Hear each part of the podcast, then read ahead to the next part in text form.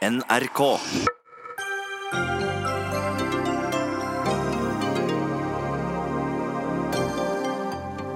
Senterpartiet snur i Bergen, har brutt forhandlingene med Arbeiderpartiet nå i ettermiddag. Valgresultatet i Kristiansand er et varsko til resten av Norge, sier Stormberg-gründer som advarer mot nasjonalistiske krefter, og demokratene svarer. Regjeringen vil ha anonym tipsordning for å avsløre asylsøkere som jukser. NOAS svarer. Senterpartiet er lurt lei av Oslo-pressen, at Oslo-pressen bare mener at Arbeiderpartiet og Høyre er styringspartier. Og Oslo-pressen svarer.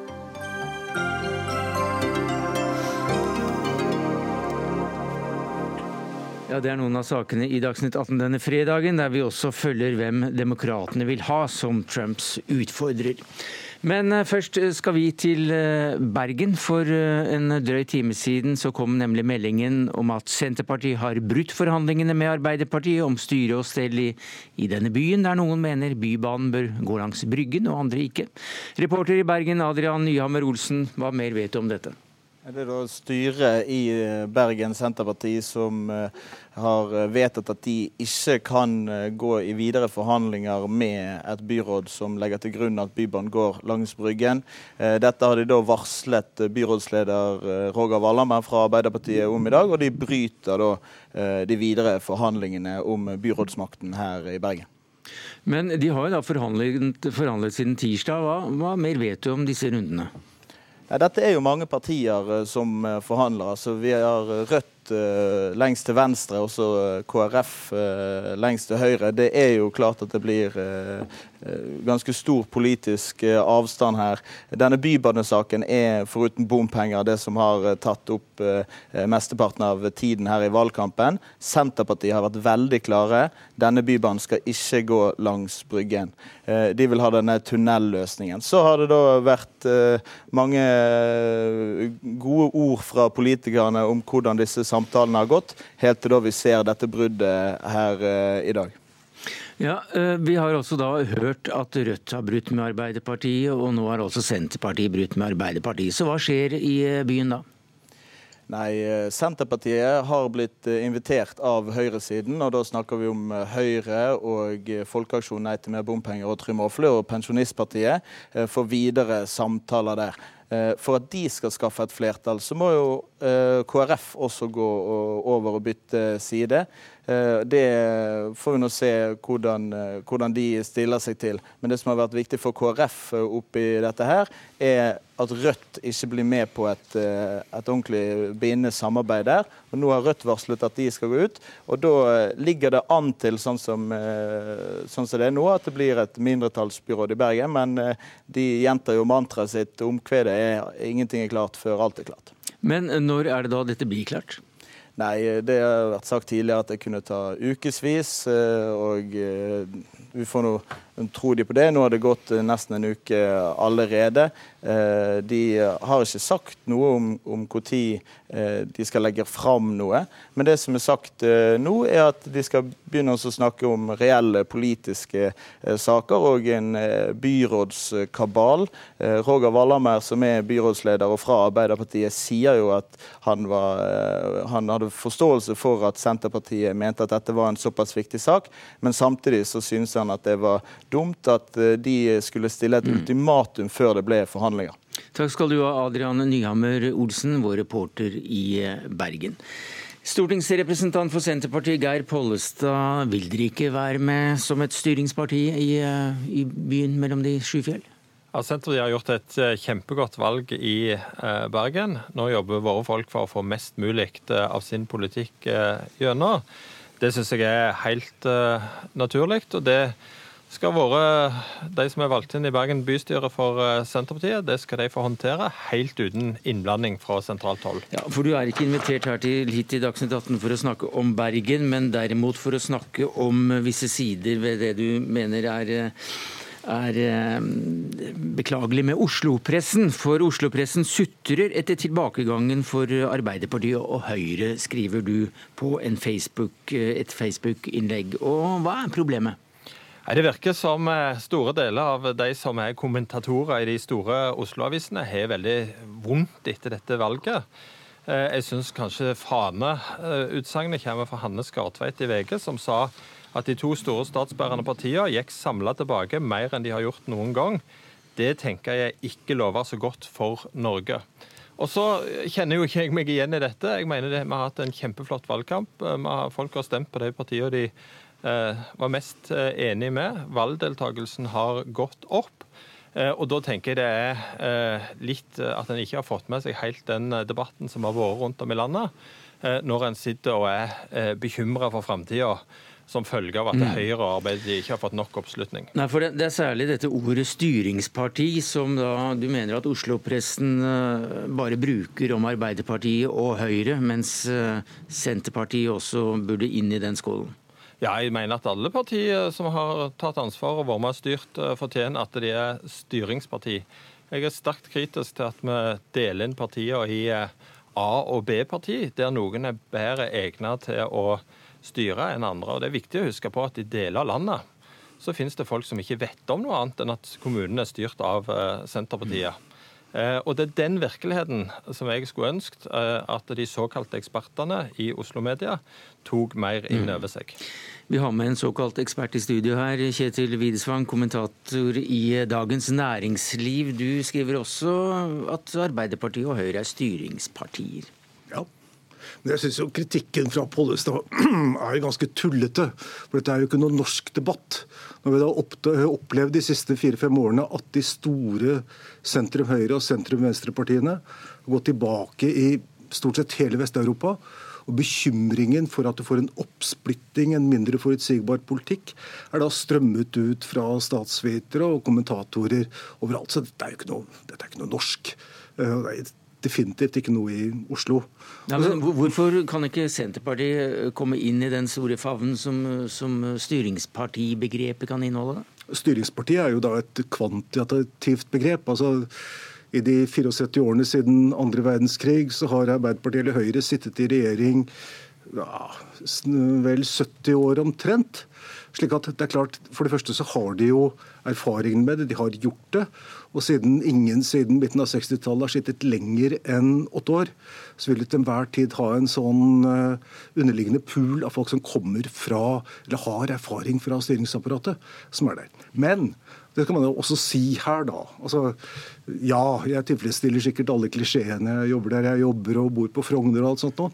Men i likhet med veldig mange andre journalister i Oslo-media, så har jeg tilbrakt en del av mitt liv i sør og vest og nord i landet. Og jeg har dekket mange kommunestyremøter hvor en tre-fire må melde seg, melde seg ugilde fordi de er i slekt med boden som skal selge eller kjøpe eh, tilleggsjord. Og det er klart Jeg har jo sett at Senterpartiet er uhyre kvalifisert på det. Det er mange gode politikere, mange gode, gode ordførere. Dessuten eh, så er det klart, Dette har vært et sånt sentrum-periferi-opprør som det har sett mange, mange steder i Europa. Og uh, Sammenlignet med å få alternativ for Deutschland eller Gule Vester eller uh, Nigel Farage, så er Senterpartiet et fantastisk godt alternativ. Men du kalles også da som representant for Oslo-pressen her for en sutrepave? Ja, som sagt, altså, da er den sutringen Eh, en sutring som kommer fra eh, samfunnsforskere, observatører, kommentatorer over hele Europa. Mm. For de får en oppsplitting, en mindre forutsigbar politikk. Pollestad? Ja, denne, Etter dette innlegget her, så er det mest ikke vits i for meg å si mer. for det understrekte alt som var mine poeng. Eh, men jeg er mer opptatt av altså, demokratibyggende parti. Det er så viktig at folk har liste, har partier å stemme på, at de blir representert. Det er det som er viktig. Det er det som gjør at folk har tillit til systemet. Det er det som jeg mener er grunnen til at flere dette valget valgte å bruke eh, stemmeretten sin.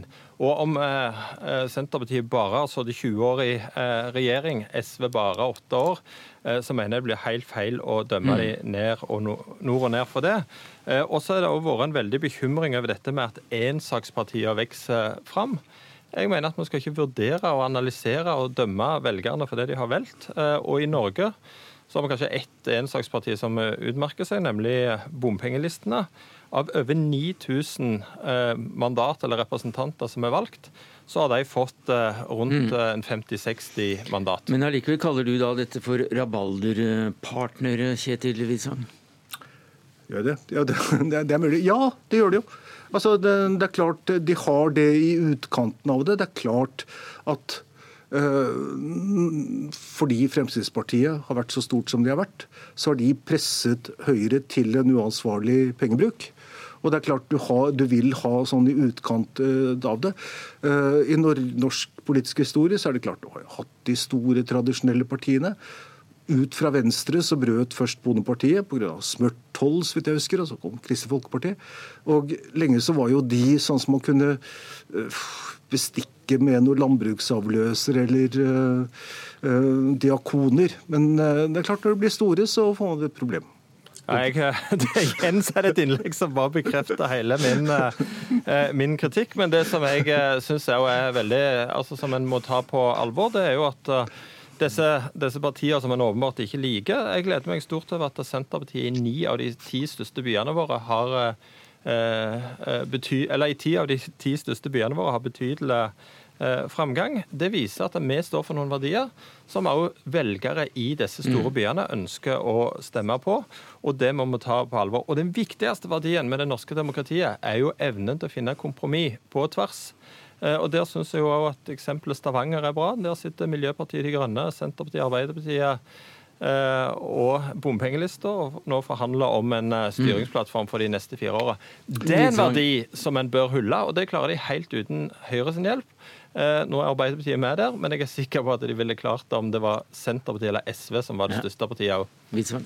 Ja, altså På kommunalt nivå så går dette aldeles utmerket fylkeskommunalt, fordi det er relativt begrenset handlingsrom de har innenfor. På regjeringsnivå så viser jo historien at enten det er SV eller øh, Fremskrittspartiet eller Senterpartiet som får finansministeren, så tar det et par uker før de er tvunget inn i folden og oppfører seg stort sett ganske ansvarlig. Men det er klart vi sitter med et kjempeutfordring før neste stortingsvalg, hvor vi kan risikere at Arbeiderpartiet blir mindre enn to partier som vil ta Norge ut av EØS-avtalen og liksom kjøre sammen med Boris Johnson mot stupet. Det er jeg bekymret for. Ja, Jeg innser jo at Dagens Næringsliv ville hatt det tøft hvis Senterpartiet ble større enn en Arbeiderpartiet. Eh, det skulle jeg òg tatt med knusende, knusende ro. Eh, men så er det òg oppi dette at de som da stemmer på andre partier enn Eh, de rette er protestvelgere, og det syns jeg er et eh, uttrykk som en burde legge av seg.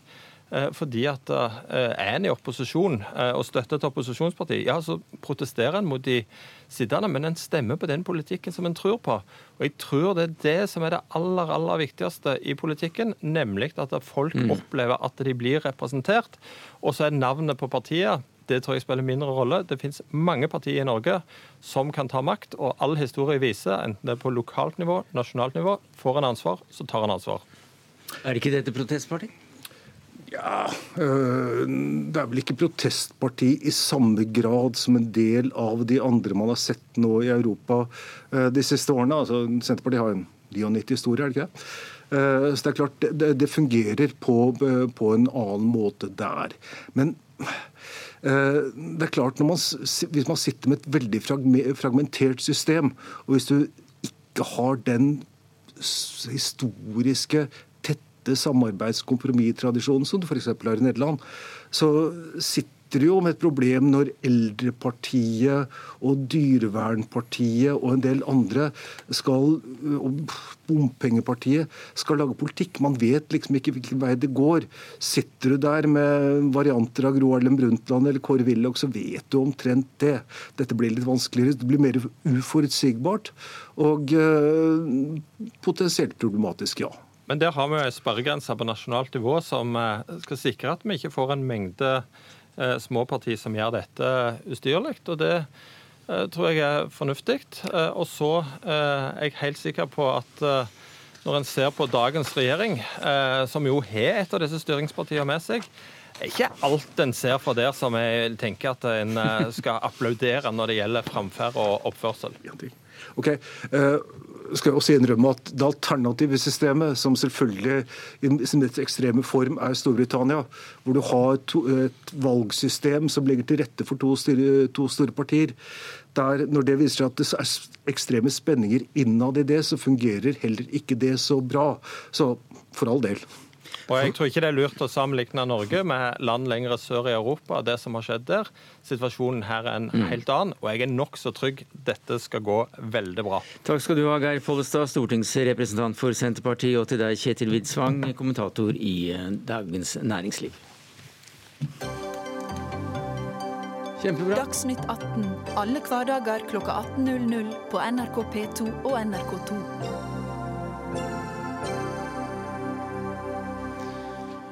Det blir mer eh, etterrakst av valget her, for eh, Steinar J. Olsen, du er mannen bak klesmerket Stormberg. Og i en kronikk i Verdens Gang i dag så advarer du resten av landet for smitteeffekten fra Kristiansand. Og du sikter til prosessen som du mente førte til at demokratene fikk 13,4% av stemmene. Hva er det du trekker fram som, som det mest skremmende? Nei, altså jeg vil jo si seg selv så, så, er det grunn til bekymring når et uh, selverklært uh, nasjonalistisk parti kan klare å oppnå 30,4 eh, av stemmene ved et lokalvalg i en av Norges større byer. Altså, dette er jo et nasjonalistisk parti med holdning og verdisett som de fleste av oss tar uh, veldig avstand fra.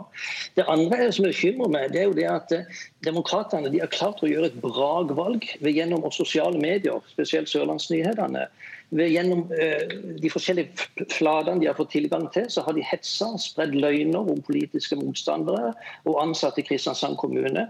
De har kalt motstandere som korrupte, de er omtalt som svikere. De har over lang tid spredd eh, konspirasjonsteorier og blokkert kritiske røster. Og de har til og med sjikanert unge politikere. Unge politikere som nå sier at de er redde for å gå ut i offentligheten og si hva de mener, si hva de tror på. Demokratene har sørga for at eh, demokratiet har hatt dårlig kår på Sørlandet i det siste, for de har klart å få en del motstandere til ikke tørre å si ifra hva de faktisk mener om demokratene. Ja, Hva sier du til det, Nils Nilsen? Du er nyvalgt bystyrerepresentant for Demokratene i Kristiansand, og du er administrator av Facebook-siden Sørlandsnyhetene. Jeg er i hvert fall eh, skribenter. Administrator er å ta det noe langt, men pytt. Uh, jeg tar selvfølgelig avstand fra den drittpakka som Olsen her prøver å servere. Uh, og For det første så må jo Olsen ta inn over seg at dette er et lokalvalg. Og vi har et uh, lokalt partiprogram som vi har skrevet, og som jeg faktisk har skrevet sjøl. Og der står det jo ingenting om disse tingene som Olsen prøver å klistre på, på meg og, og demokratene. Eh, jeg forstår at det reageres på det nasjonale programmet. Det reagerer jeg på selv. Og eh, min betingelse for å melde meg inn i Demokratene, det er at det programmet skal skrives om. Det skal ha en fornya retorikk. Og jeg har sjøl nå sittet i den ene innvandrerdebatten etter den andre og fortalt om hvor viktig det er at mennesker har eh, rett til å søke eh, sin egen lykke. Og eh, ikke minst mm. altså, at vi, vi, går for et inkluderingsbudskap, i hvert fall her i den lokale valgkampen. Og når vi da kommer til det som er det nasjonale valget, så, så har ikke kan du si, demokratene den innflytelsen. Vi får ikke 13,5 der, i hvert fall ikke på det programmet. Mm. og ikke minst så vil jeg jo si det til Steinar Olsen at han kan ta det helt med ro. Vi skal ikke behandle en eneste asylsøknad i Kristiansand bystyre. Heller ikke abortspørsmål, heller ikke flytting av ambassader. Det går nasjonalt, og dette vet Steinar godt. Olsen? Ja, når jeg ser hvordan eh, Nils Nilsen, Vidar Klepp og Demokratene har eh, oppført seg i forhold til eh, politiske motstandere under valgkampen, når det f.eks. kommer korrupsjonsbeskyldninger mot flotte, hardtarbeidende, redelige eh, folkevalgte i Kristiansand. Som ikke bare eh, Nils Nilsen og Sørlandsnyhetene har nørt opp under, men som de faktisk har vært med å, fremme sjøl og stemple politiske motstandere sjøl.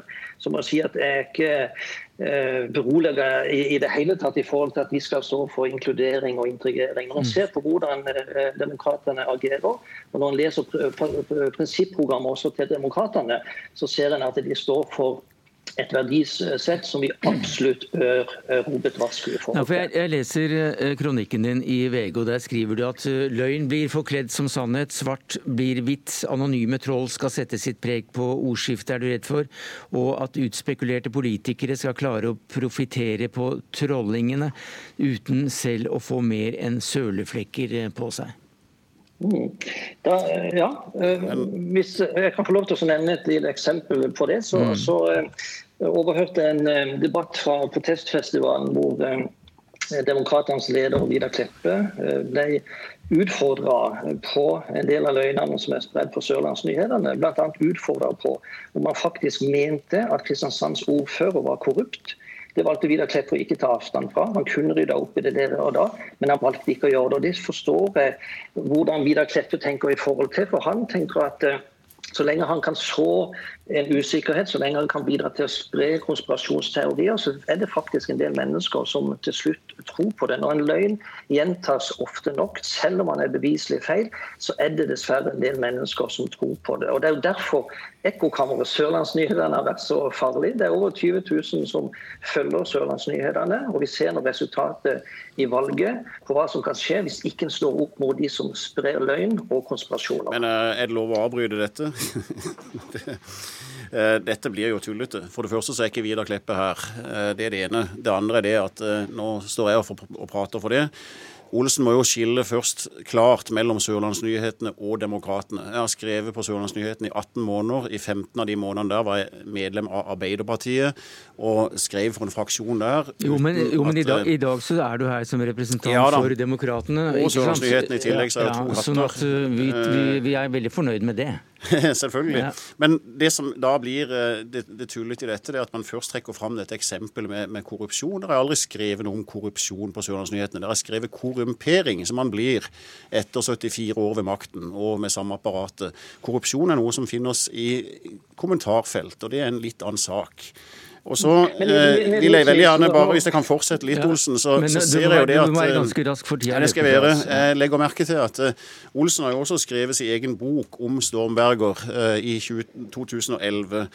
Og I denne boka så ser vi jo bl.a. da, hvis jeg kan få lov til å få på meg brillene, så skriver Olsen Eh, du kan ikke lese veldig langt fra den nei, boka? Nei, det ikke langt. Eh, men det står altså Jeg visste at man aldri kunne vinne en kamp mot mediene, og det bildet de kan bestemme seg for å skape. Likevel fikk jeg kjenne på uh, hvor vondt det kan bli å bli fremstilt på denne måten. Det føltes tungt uh, at de bygde opp en argumentasjon og skapte et bilde av at jeg nærmest var en kjeltring. Så jeg må bare spørre Olsen, er det sånn at mediene driver med fake news når de skriver med det, om det, men de driver ikke med fake news når de skriver om andre enn det? Jeg synes Det er veldig bra Nils Nilsen, at du nevner dette eksempelet. for Dette viser nøyaktig hvordan Demokratene og Sørlandsnyhetene har opptrådt gjennom hele valgkampen. Også, ja, de månedene, og også de 18 månedene hvor du har uh, hatt administrasjonsrettigheter. Ja, skriver, dette, skriver media fake news La Olsen få svare. For, for, det, det, det, som skjer, er det at når en kommer med saklig kritikk i forhold til Demokratene og Sørlandsnyhetene, så angriper de.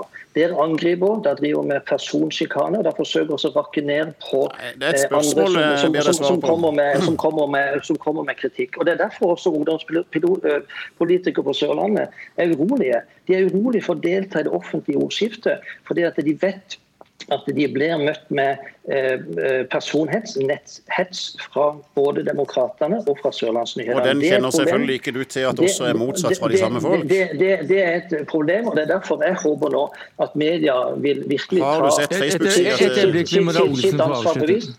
Jeg håper media vil være sitt ansvar bevisst og faktisk lyse opp en del av de mørke krokene som er på sosiale medier, og som er på de plattformene som demokratene nå har klart å få et brakvalg gjennom. Jeg tror vi må, vi, vi, må, snakke litt mer generelt, Eired Nilsen. For den ja. Eh, ene saken blir litt vanskelig å sette seg inn i løpet av de få minuttene vi har til rådighet. Men hvorfor er det så mange som leser dere da, tror du, når sørlendingene har den store regionalavisen Fedrelandsvennen? Nei, Det er fordi at uh, Federlandsvennen følger ikke med i timen. Det er uh, Unnskyld, Eivind, men uh, altfor mange opplever at Federlandsvennen uh, er talerør for makta. Man taler ikke med det politiske grunnfjellet, man taler med den politiske eliten og lar de slippe til for mye. Og Når man da ikke graver og gransker i dette, så ser man at dersom man kommer med eh, andre opplysninger, dokumenterte, ikke noen løgner eller konspirasjoner, men dokumenterte altså dokumenter ulovlig unntatt offentlighet osv. avslører det ene etter det andre, så mm. har eh, Sørlandsnyhetene vært en eye-opener som ikke Federlandsvennen har makta å være. Mm, hva sier du til det, Eivind Ljøstad, sjefredaktør nettopp i Fedrelandsvennen? Ja, jeg tror i hvert fall vi skal være glad for at vi ikke har levd opp til eh, forventningene fra Sørlandsnyhetene og folka bak der. Eh, altså Deres definisjon av både nyheter, hva som er nyheter og hva som er fakta, er milevis unna vår definisjon. Ja, hvor langt unna VG sin definisjon er han da i forhold til Giske-saken f.eks.? Eller andre PFU-forhold? Altså, hvis vi skal ta inn Giske-saken nå, så Nei, blir det altså, vanskelig. Men jeg syns jo den diskusjonen dere har hatt, eh, du og Olsen, og viser noe av hvor på en måte forurensa den debatten i eh, Kristiansand har vært, og som Sørlandsnyhetene har bidratt veldig til. Fordi eh, det er, som jeg har sagt hele veien, selvfølgelig hovedproblemet er den anonyme innpakningen. Eh, som det er viktig at kommer fram her. Eh, jeg mener et minstekrav hvis man inviterer til debatt, er at man må vite hvem man snakker med. Og da er det litt sånn klassisk paradoksalt. Du, du innrømmer sånn delvis at du er administrator, men det er liksom første er å si hvem som står bak, hva er motivene.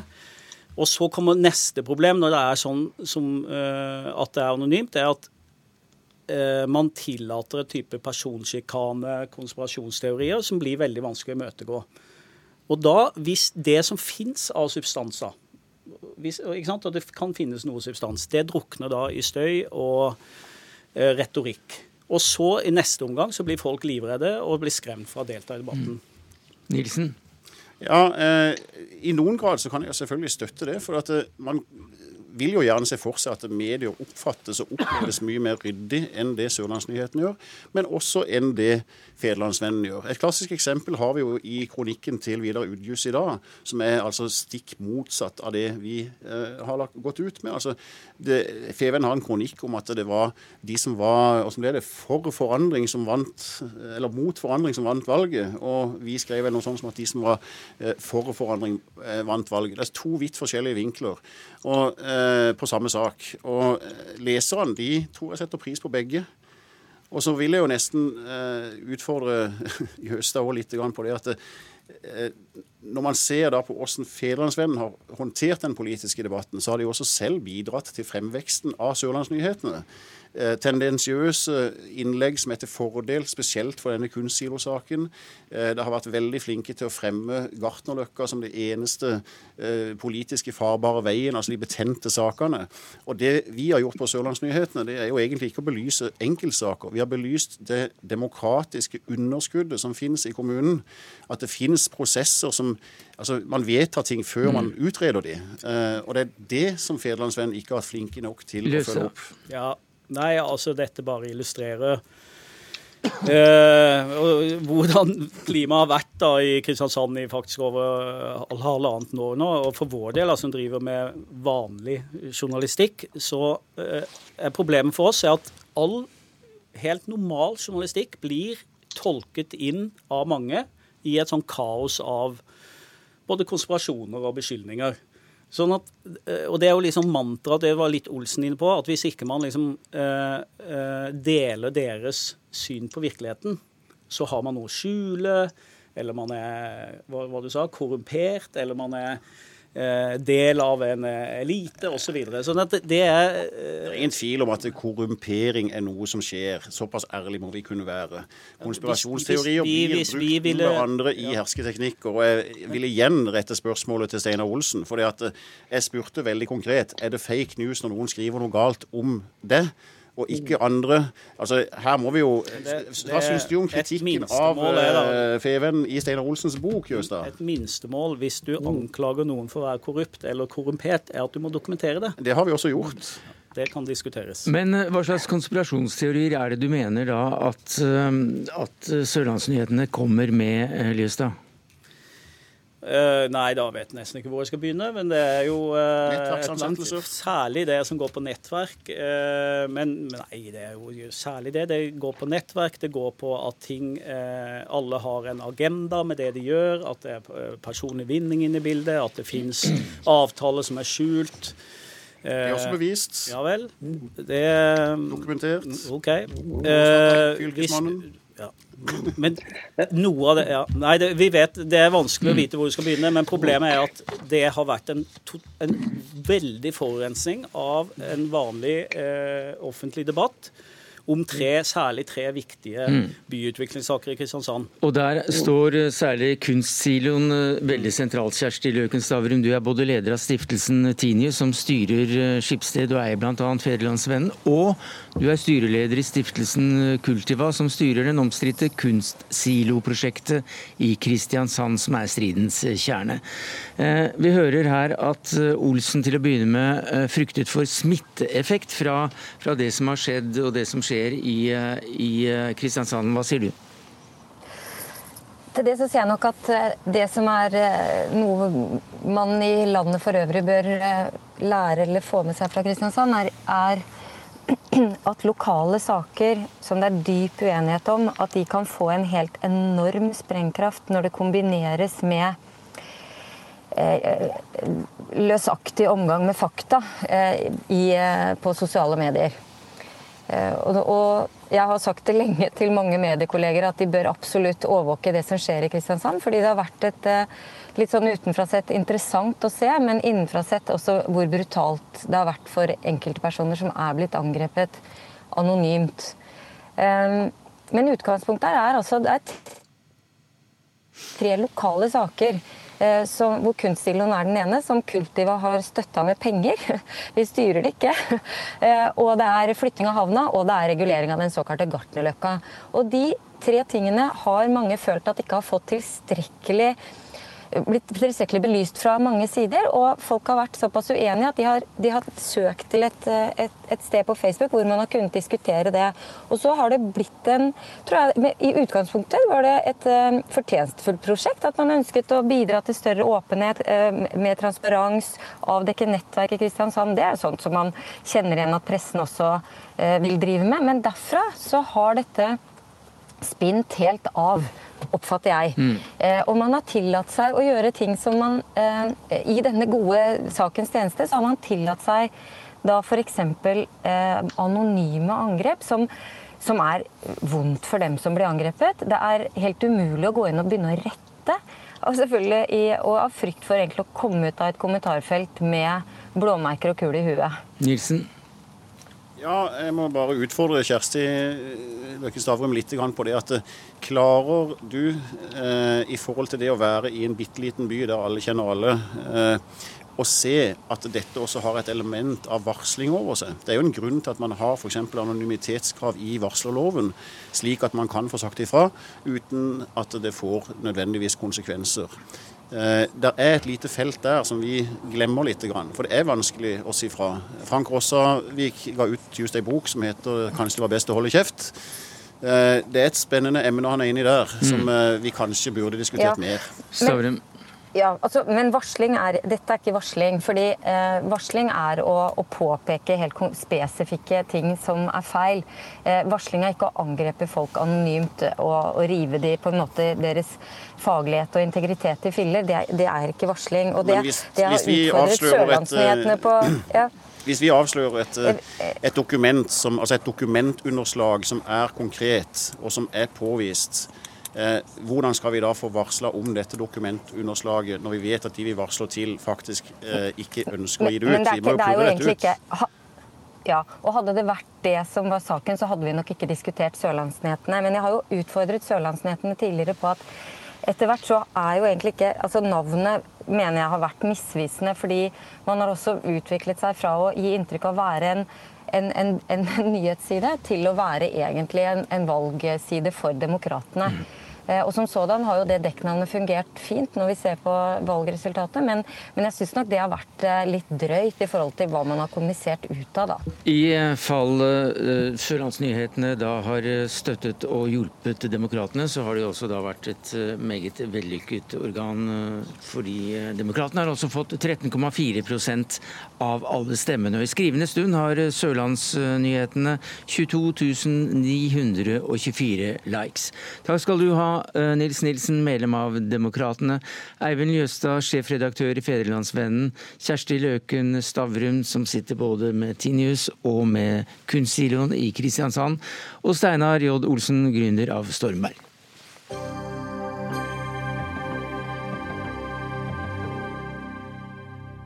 Mens eh, flere av oss eh, lå og sov, så fikk toppkandidatene i Demokratenes valgkamp tre timer på seg til å vise hvem som er den skarpeste kniven i skuffen til å ta skalpen på president Trump i presidentkampen neste år.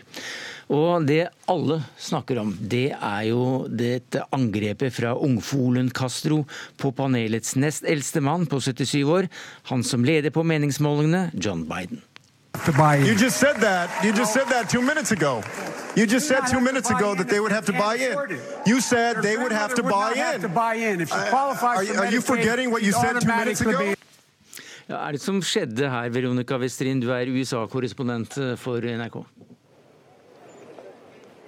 Ja, dette er jo kveldens eh, store høydepunkt eh, i debatten. Det er under diskusjon om helsepolitikk, hvor Juan Castro altså angriper Biden for å ikke gjøre nok når det gjelder helseplan. Eh, Castro ønsker eh, å bruke mer penger på dette og mener Biden eh, får folk til å betale. Men så bruker han da anledningen til å komme med det som av mange her blir sett på som et slag under beltestedet, ved å stille spørsmål ved hukommelsen hans. Og altså hevde at Biden sier noe annet enn det han gjorde for to minutter siden. Og dette er jo å snakke om den store elefanten i rommet. Eh, det er, har vært mye debatt rundt Bidens alder tidligere, og her benyttet Castro anledningen til å markere seg eh, på dette. Var dette vellykket? Altså, Hvordan blir dette omtalt i mediene i dag? Nei, Hvis vi skal se på reaksjonene i sosiale medier etterpå, så var det ikke vellykka. Eh, det var mange som reagerte på det og syntes eh, Castro var ufin her. Og eh, også blant media så trekkes dette fram som et lite vellykket forsøk. Faktasjekkere har jo til og med gått gjennom og sett på om det var hold i påstandene som Julian Castro kom med, og mener at han faktisk har sagt feil ting her til debattene selv, og så får de mye oppmerksomhet. Er amerikanerne opptatt av dette presidentvalget 417 dager før selve valget i 2020? Hvis man leser avisene og snakker med de politi politisk interesserte, så får man jo absolutt inntrykk av det. Men hvis man snakker med vanlige folk, til og med her i Washington DC, som er en veldig politisk by, så er det ikke alle som, eh, som benker seg foran skjermen for å se disse debattene. Og det er jo faktisk sånn at i de to første så var det under 20 millioner amerikanere som skrudde på og fulgte med, og det bor 330 millioner eh, i dette landet. Så eh, det er jo venta at dette tar seg opp da, når man kommer litt lenger fram i prosessen.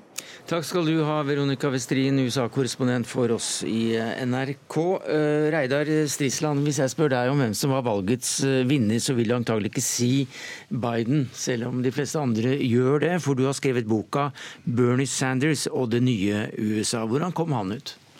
Bernie Sanders kom, eh, kom, veldig bra ut. Han uh, gjorde jobben sin med å få fram sin politikk. og som, som, det ble nevnt her, så var den store saken, spesielt i starten av sendinga, var om helsereform. og Der fikk Bernie uh, og hun Elizabeth Warren de fikk begge to veldig tydelig fram at, at Medicare for all, altså norsklignende helsesystem, det er noe som amerikanerne vil spare mye penger på. Ja, Hvordan gikk den debatten rundt akkurat dette temaet? Biden han kjørte på i flere omganger med å si det eh, som er argumentasjonen til alle de som er mot denne helseordninga, at det vil bety økte skatter, mm. økte skatter, hvem skal betale? Men eh, realiteten er jo at eh, amerikanerne betaler mye mer enn det vi i Norge gjør for, eh, for vår helseordning gjennom, gjennom skatt. Og Og med de, de enorme pengesummene de betaler, så, så, har de veldig mye å spare da, på å få vekk helseforsikringsindustrien. Og hvis de får vekk den, så, så betaler amerikanerne mindre for helsesystemet enn det de gjør i dag. Sofie Høgstøl, du er førsteamanuensis i rettsvitenskap ved Universitetet i Oslo. Har du en favoritt fra nattens debatt? Jeg syns det var jevnt over det man kunne forvente. Altså, det var ingenting som endret seg føler jeg, etter kveldens debatt. Det var ingen som gjorde det spesielt godt. Det var ingen som gjorde det spesielt dårlig. Uh, så jeg hadde ingen favoritter. Jeg tror at kanskje den personen som vant debatten i går, han var ikke til stede, og det var Barack Obama. For var det noen alle snakket veldig pent om i går, så var det Barack Obama. Men uh, dette er da uh, den tredje av en, en mengde debatter. Uh, det er en lang prosess fram mot hvem som skal velges fra demokratenes side. 140 dager til de faktisk skal begynne å stemme om det. Ja. Hvordan, blir, hvordan, blir, hvordan blir dette framover nå? Det blir veldig spennende. For nå, nå ser vi at det er et, eh, det er et mellomsjikte her som begynner å danne seg. Og det er jo da uh, Biden, som fortsatt er nummer én. Og jeg tror at mange av hans støttespillere har gått ut denne uken og sagt at se det var mange som tenkte at han ville være en fiasko innen få måneder i denne presidentkampanjen. Og her, her står han fortsatt i september og er fortsatt favoritt på meningsmålingene. Men så har vi et nedre sjikte der. Altså, vi har uh, selvfølgelig Bernie Sanders, som har gjort det sterkt hele tiden. Men så har vi også Elizabeth Warren, og det er kanskje en av de tingene som har endret seg siden januar. det er at Elizabeth Elizabeth Warren hun er skilpadden i dette løpet. her. Hun er ikke haren, men hun er skilpadden. Hun har vokst seg sakte, men sikkert oppover på meningsmålingene. Og nå tangerer hun uh, Bernie Sanders på en del de meningsmålene. Og så har man Underskogen, som begynner å falle ganske langt etter toppkandidatene. Jeg trodde det var Harris som var uh, virkelig favoritten for, for mange. Nei, Hun gjorde det godt i den aller første debatten, og så falt hun gjennom i, i, debatt nummer to og klarte ikke å komme seg opp igjen i går. Yngre, slagferdig? Ja, nei, hun, hun klarte ikke det. Og det som, det som, er spennende for meg, det er at eh, det, det, som er ganske tydelig i amerikansk valgkamp nå, det er at det aller, aller viktigste for amerikanerne det er å få en kandidat som kan slå Trump. Det er det aller viktigste for dem, det viser målingene. Og det nest viktigste for dem, det er en stor politisk endring. Og det får du med både Bernie Sanders og med Elizabeth Warren. Og, og du ser nå at den porsjonen som stemmer på de to kandidatene til sammen, den vokser og blir stadig større. Så, hmm. ja, jeg vil jo si at Harris vel, hun lanserte presidentkampanjen sin på en utrolig fin måte på begynnelsen av året. Fikk masse positiv presseoppmerksomhet, og, og, det var mye buzz rundt henne da. Uh, Elizabeth Warren gjorde jo ikke det. Hun lanserte jo kampanjen sin ganske skjevt i januar, litt pga. denne Pocahontas-saken og denne DNA-testen han gjorde som ikke slår an så godt med velgerne. Men det er jo den endringen man har sett at istedenfor at Harris har hatt, uh, hatt en fremvekst i meningsmålingene, så er det Warren som har hatt den fremveksten, og det er spennende. Samtidig så er det 140 dager til de skal stemme over dette, så det er mye som kan skje innen den tid. Men jeg tror kanskje dynamikken fremover blir jo at en del av disse kandidatene som virkelig ligger og vaker ned på 4-5-3 prosents uh, Eh, måle på meningsmålene, de må gjøre et eller annet for å få den fremveksten før de skal begynne å stemme for det. Så det kan godt være at ved neste runde, neste debatt, så blir det spissere tone. Jeg synes Det var en ganske sånn kollegial, rimelig kollegial mm. tone i går. Man snakket ikke mye i munnen på hverandre, man lot hverandre fullføre resonnementene sine. Det varte jo tre timer, da, så ja. Og Noen ble jo veldig slitne. altså Joe Biden han, han uh, gjorde det for så vidt OK tidlig i debatten, men, men, etter hvert så begynte han å rote. Han kalte Bernie Sanders for presidenten. Uh, og, og, han uh, hadde også noen, noen segmenter hvor han, hvor han, rett og slett falt ut.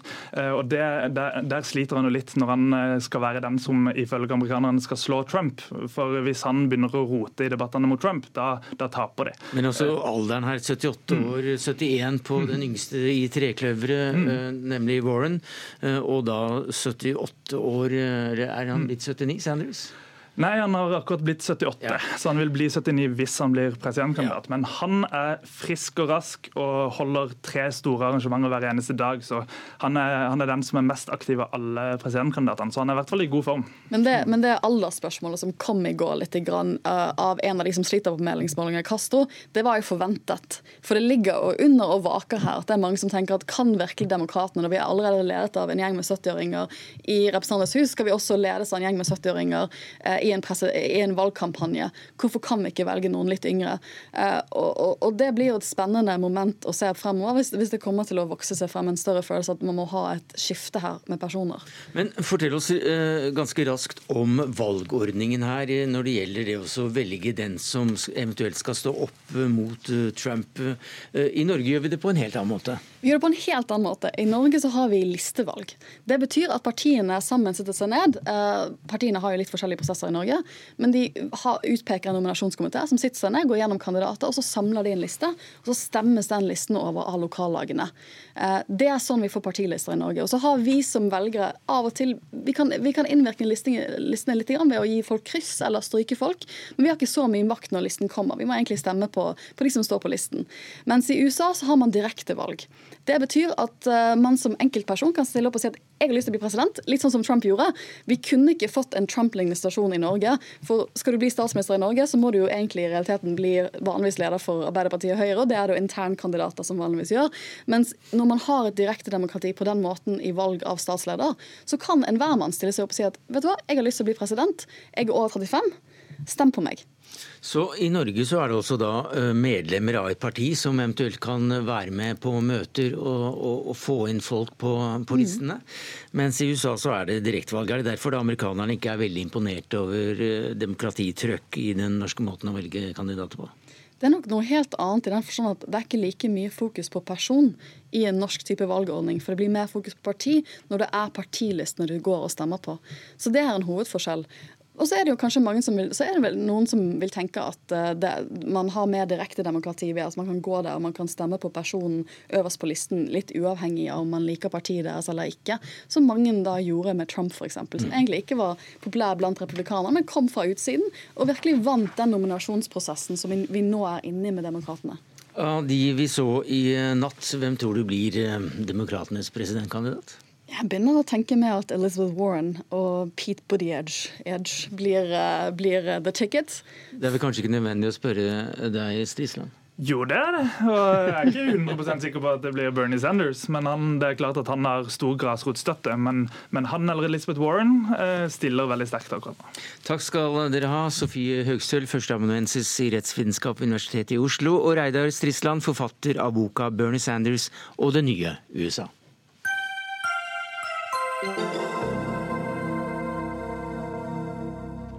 Ja, regjeringen vil at du og jeg skal melde fra hvis vi opplever at asylsøkere har feil identitet, reiser på ferie til landet de dro fra, eller bryter utlendingsloven på andre måter. Dette skjer i etterkant av NRKs sak om eritreiske asylsøkere som var på fest med en representant fra regimet de flyktet fra da denne besøkte Oslo. Dette synes ikke du er noen særlig god idé, eh, Jon Ole Martinsen. Du er rådgiver i eh, NOAS, Norsk organisasjon for asylsøkere. Hvorfor er det ingen god idé å få opp et system der du kan melde fra anonymt? Vi har allerede i dag muligheten til å melde fra både på e-post, på brev, på telefon, ved henvendelse til politiet, ved henvendelse til UDI. Eh, dette er ikke et mangel eh, slik systemet er i dag.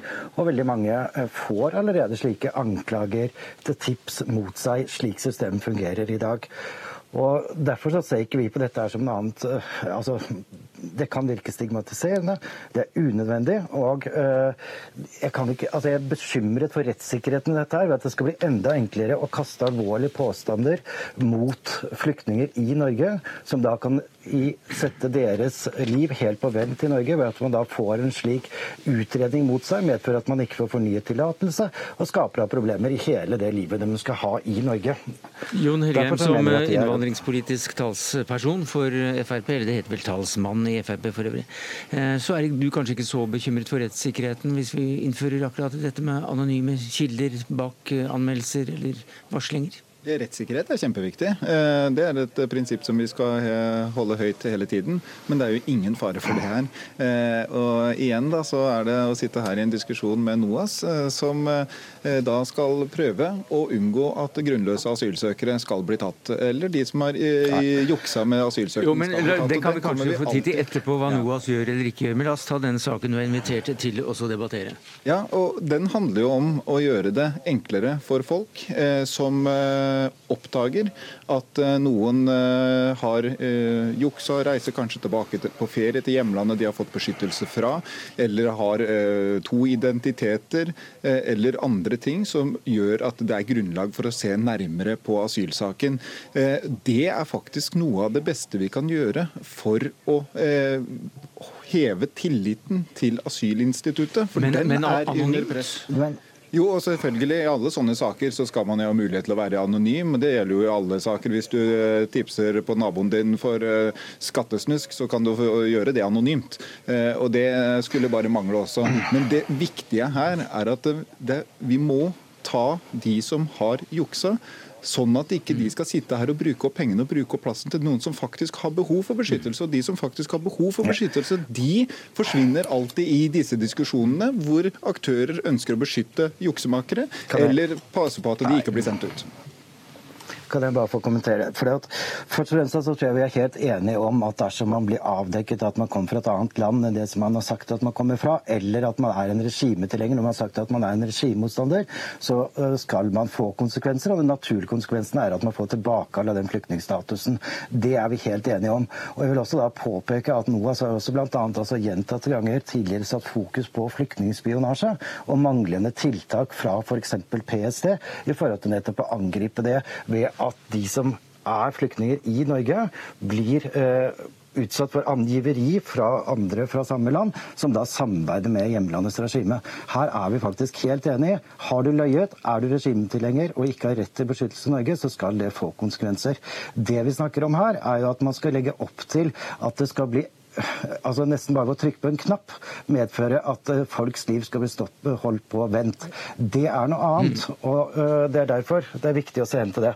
Og så et øyeblikk, vi, vi, må nesten, et, vi, må nesten, få svar på det. Ja, for det, Dette er rett og slett ikke riktig. Uh, man gjør det bare enklere. For jeg også blir kontakta av uh, veldig mange som mener de har opplysninger som bør sjekkes opp.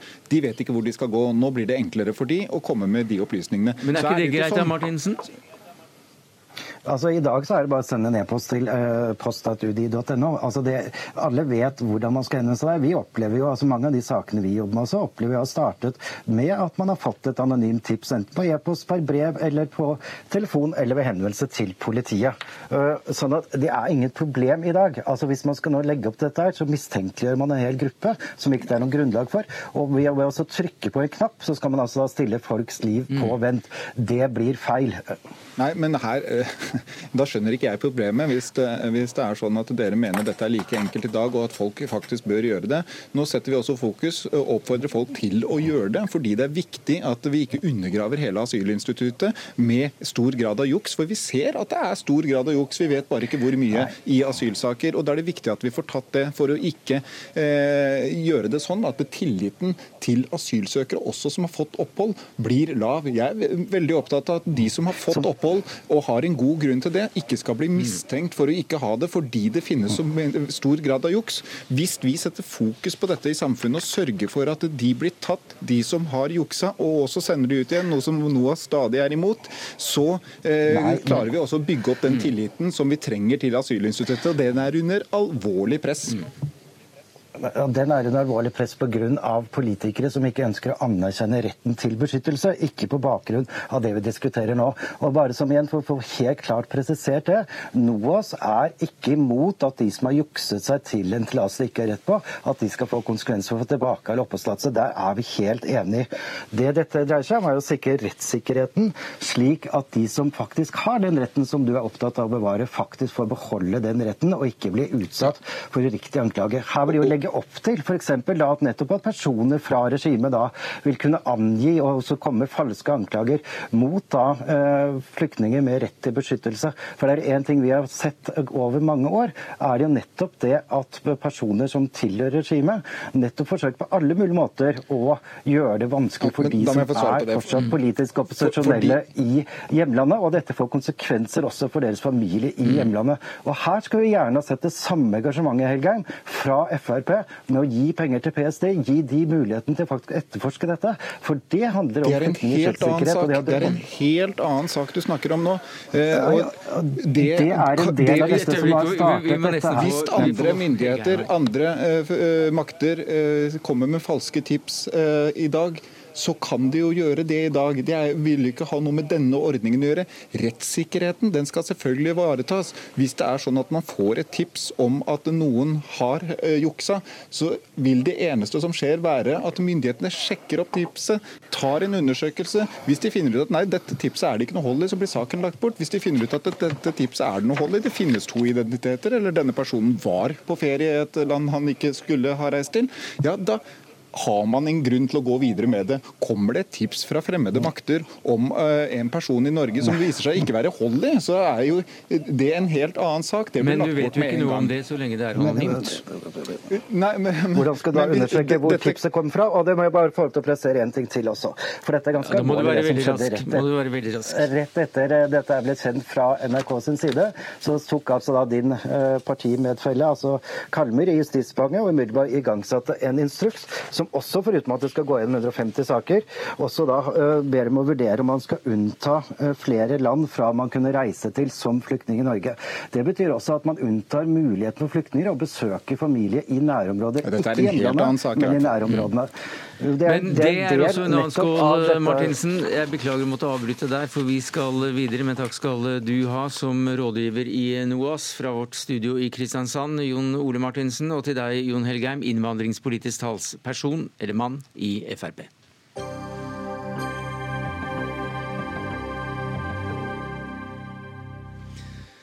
Ja, I sommer døde Tunesias sittende president, og nå skal velgerne stemme ved valg. Det er 25 kandidater i presidentvalget til søndag eh, i dette nordafrikanske landet Tunisia. Og dette er jo da det landet som er kommet lengst i å utvikle et eh, slags demokrati etter den arabiske våren, for det var der det startet. Men har siden da slitt med økonomisk nedgang og store sikkerhetsutfordringer. Joakim Naher, du er Tunisia-ekspert. Du er partner i analyseselskapet The Governance Group. Hvordan går dette? Nei, Det blir jo spennende å se hva som skjer med presidentvalget. Som du nevnte, så har jo Tunisia til tross for sin demokratiske overgang og vellykket sådan, slitt med store økonomiske utfordringer. Høy arbeidsledighet, det er et forgjeldet land, eh, det er misnøye blant befolkningen. Og I tillegg så har vi fått denne sikkerhetsuroen som eh, Tunisia har fått i form av eh, tidligere, eller IS-krigere. Tunisia er det landet som har flest jihadister, altså de som blir, med, blir vervet til IS i Irak og Syria. Flere har vendt tilbake til Tunisia, og det har vært eh, flere terroranslag i, i Tunisia som gjør også en, uh, mer utrygt enn det har vært før. Så det er store utfordringer for Tunisia. Men hva slags kandidater står til valg nå? Du nevnte at det er 25, eh, og det er, det er, litt uoversiktlig. Eh, dette er jo også en del av demokratiet, at man har senket terskelen for presidentkandidater. At man åpner opp for mennesker med forskjellig bakgrunn. Eh, det er lettere å stifte politiske partier. Det er jo en helt ny maktkonstellasjon etter denne revolusjonen. Du har jo da fra islamister som stiller til valg, men igjen en ganske moderat form av islamistisk parti, Enada, eh, som er demokratisk og følger de demokratiske spillereglene og har vært egentlig det største partiet i parlamentet, til du har en medieperson som faktisk sitter fengslet, som er under etterforskning for hvitvasking. Han er en av de faktisk som leder på eh, valgmålingene i, Tunisia. En slags tunisisk Berlusconi, som han blir kalt. Han har en egen TV-kanal som fremmer hans kandidatur. Til at du har eh, forskjellige eh, valgkandidater. En som faktisk er statsminister, en kvinne som stiller med støtte til den tidligere diktatoren Ben Ali. Så det er et bredt spekter av kandidater. Hvem ligger an til å vinne? Nei, det, Antagelig så vil jo ingen få flertall eh, ved første valgomgang. og Det betyr at eh, de to som får eh, flest stemmer, vil gå til en ny valgrunde. Eh, og Da vil man nok bli bedre kjent. Eh, mitt tips er nok at den sittende statsministeren, som er en ung reformvennlig kandidat, vil muligens være en av de som går videre. Men det, det vet man ikke. Hvor mye makt har menneskene som nå skal velges? Nei, Det er også noe av utfordringen. Det er mye barnesykdommer for å si det sånn, med den demokratiske overgangen i Tunisia. Man har jo da med vilje gjort slik at en eh, president og en statsminister skal dele makten. At presidenten ikke skal være for mektig. Dette er jo et land som har vært autoritært i alle år. Eh, så litt hvem som styrer landet, enten om det er president eller statsminister, det er det også litt uklart. Men at eh, symbolsk så er dette veldig viktig for Tunisia.